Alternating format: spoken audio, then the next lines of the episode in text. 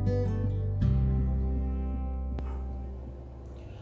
guys, welcome to my podcast dengan Steven di sini di episode ke 17. Di episode kali ini itu aku mau bahas tentang mindset yang terakhir yang membuat kita nggak bisa merubah cara kita ber cara kita kehidupan keuangan kita, kondisi keuangan kita, hingga cara kita mengelola keuangan.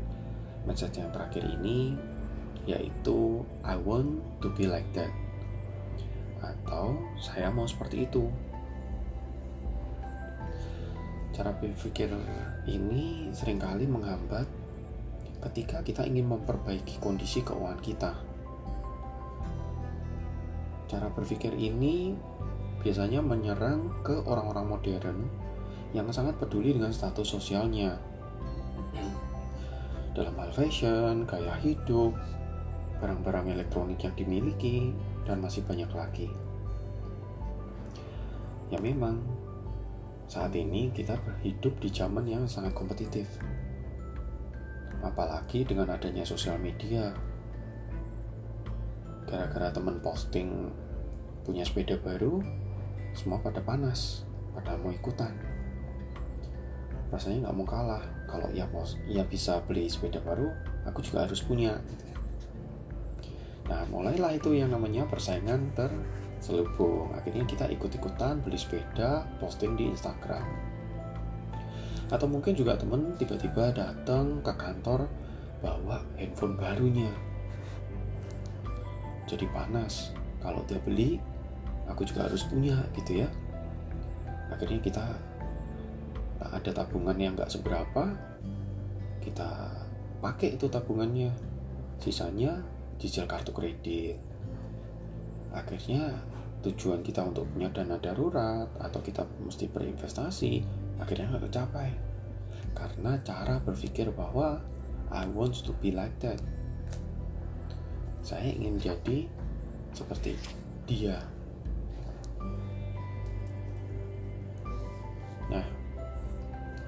Uh, cara berpikir seperti ini sama berbahayanya dengan cara berpikir keempat yang sebelumnya. Karena cara berpikir seperti ini itu bisa membuat kita menghabiskan uang untuk sesuatu yang sebenarnya nggak perlu. Jadi pertanyaan nih buat kita, kenapa sih kok kita nggak mau kalah dari orang lain? Jawabannya mungkin ada dalam diri kita. Di alam bawah sadar kita, kita merasa harus tampil semenarik mungkin supaya bisa diterima oleh lingkungan. Padahal bisa jadi lingkungan orang-orang sekitar kita bukan menerima kita pribadi, tapi yang mereka lihat dari diri kita adalah apa yang kita miliki. Misalnya karena kita punya mobil, maka mereka akan menerima kita. Ya tujuannya apa? supaya kalau lagi liburan mereka bisa nebeng mobil kita atau mungkin mereka terima kita karena kita habis beli rumah baru jadi mereka bisa ikutan nongkrong di rumah kita dan seterusnya tapi buat teman-teman yang aku mau share kita bisa diterima dengan baik oleh orang-orang sekitar kita seharusnya bukan karena kita punya banyak uang, bukan karena kita punya penampilan yang keren, bukan karena kita terkenal atau punya barang-barang yang kita miliki, tetapi yang seharusnya itu adalah karena kita punya kepribadian yang menarik.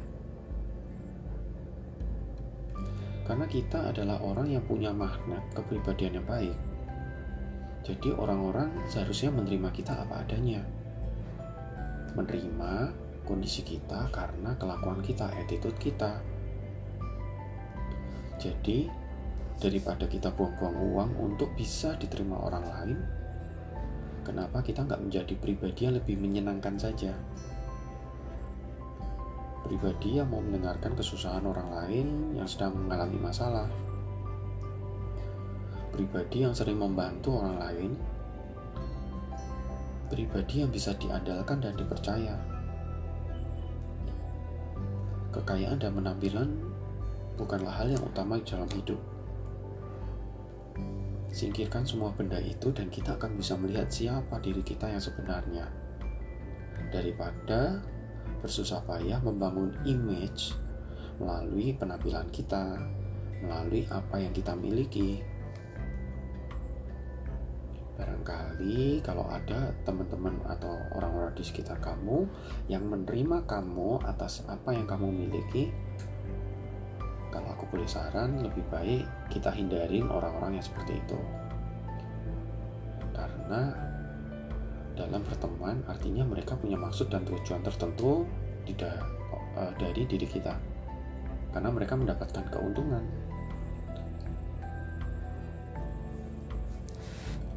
jadi pertanyaan nih buat kita semua. Setelah aku selesaiin 5 cara berpikir atau mindset yang salah, jadi pertanyaan nih buat kita. Mau nggak sih kita ini semua berubah? Coba kita perhatikan nih. Dari kelima cara berpikir yang sudah aku bagikan, itu semua berawal dari I. I don't know, I don't care. I want more. I want to be like that. Hingga I'm fine. Aku baik-baik aja. Semua berawal dari I. Berawal dari diri kita. Jadi kalau pertanyaan maukah kita berubah? Jawabannya adalah berawal dari diri kita. Mau nggak sih kita ini berubah. It's easier said than done. Artinya ngomong itu gampang. Ya memang ngomong itu gampang. Paling susah itu kalau kita mau melakukan dan mau merubah diri kita. Ingat ya, bahwa musuh terbesar kita bukan orang lain, tapi adalah diri sendiri. Mungkin teman-teman ada yang tahu uh, sepenggal kalimat ini ya.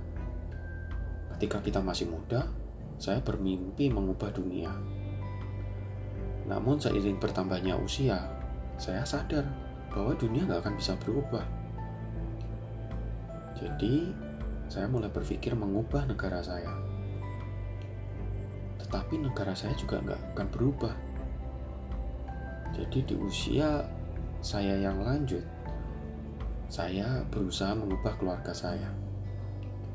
Tetapi kenyataannya mereka juga nggak mau berubah. Di ujung usia saya, saya baru sadar kenapa saya tidak merubah diri saya terlebih dahulu. Dengan saya berubah, keluarga saya bisa berubah. Dengan keluarga saya bisa berubah, saya bisa merubah negara saya.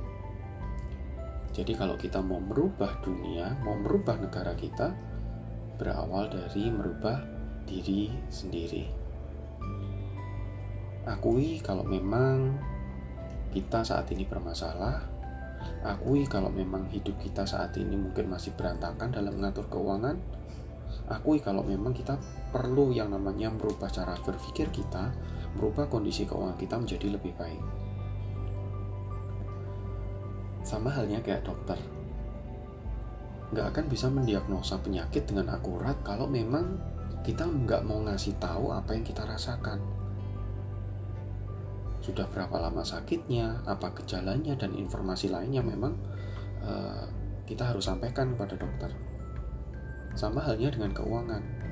Kondisi kita tidak akan berubah kalau kita nggak mengakui, kalau kita nggak mencari tahu apa yang perlu kita rubah kalau kita nggak mau terbuka dengan kondisi keuangan kita yang sebenarnya kita juga nggak akan berubah kondisi kita ke mana-mana. Satu hal yang pasti adalah kita nggak bisa menolong diri sendiri. Kita butuh yang namanya bantuan oleh orang lain.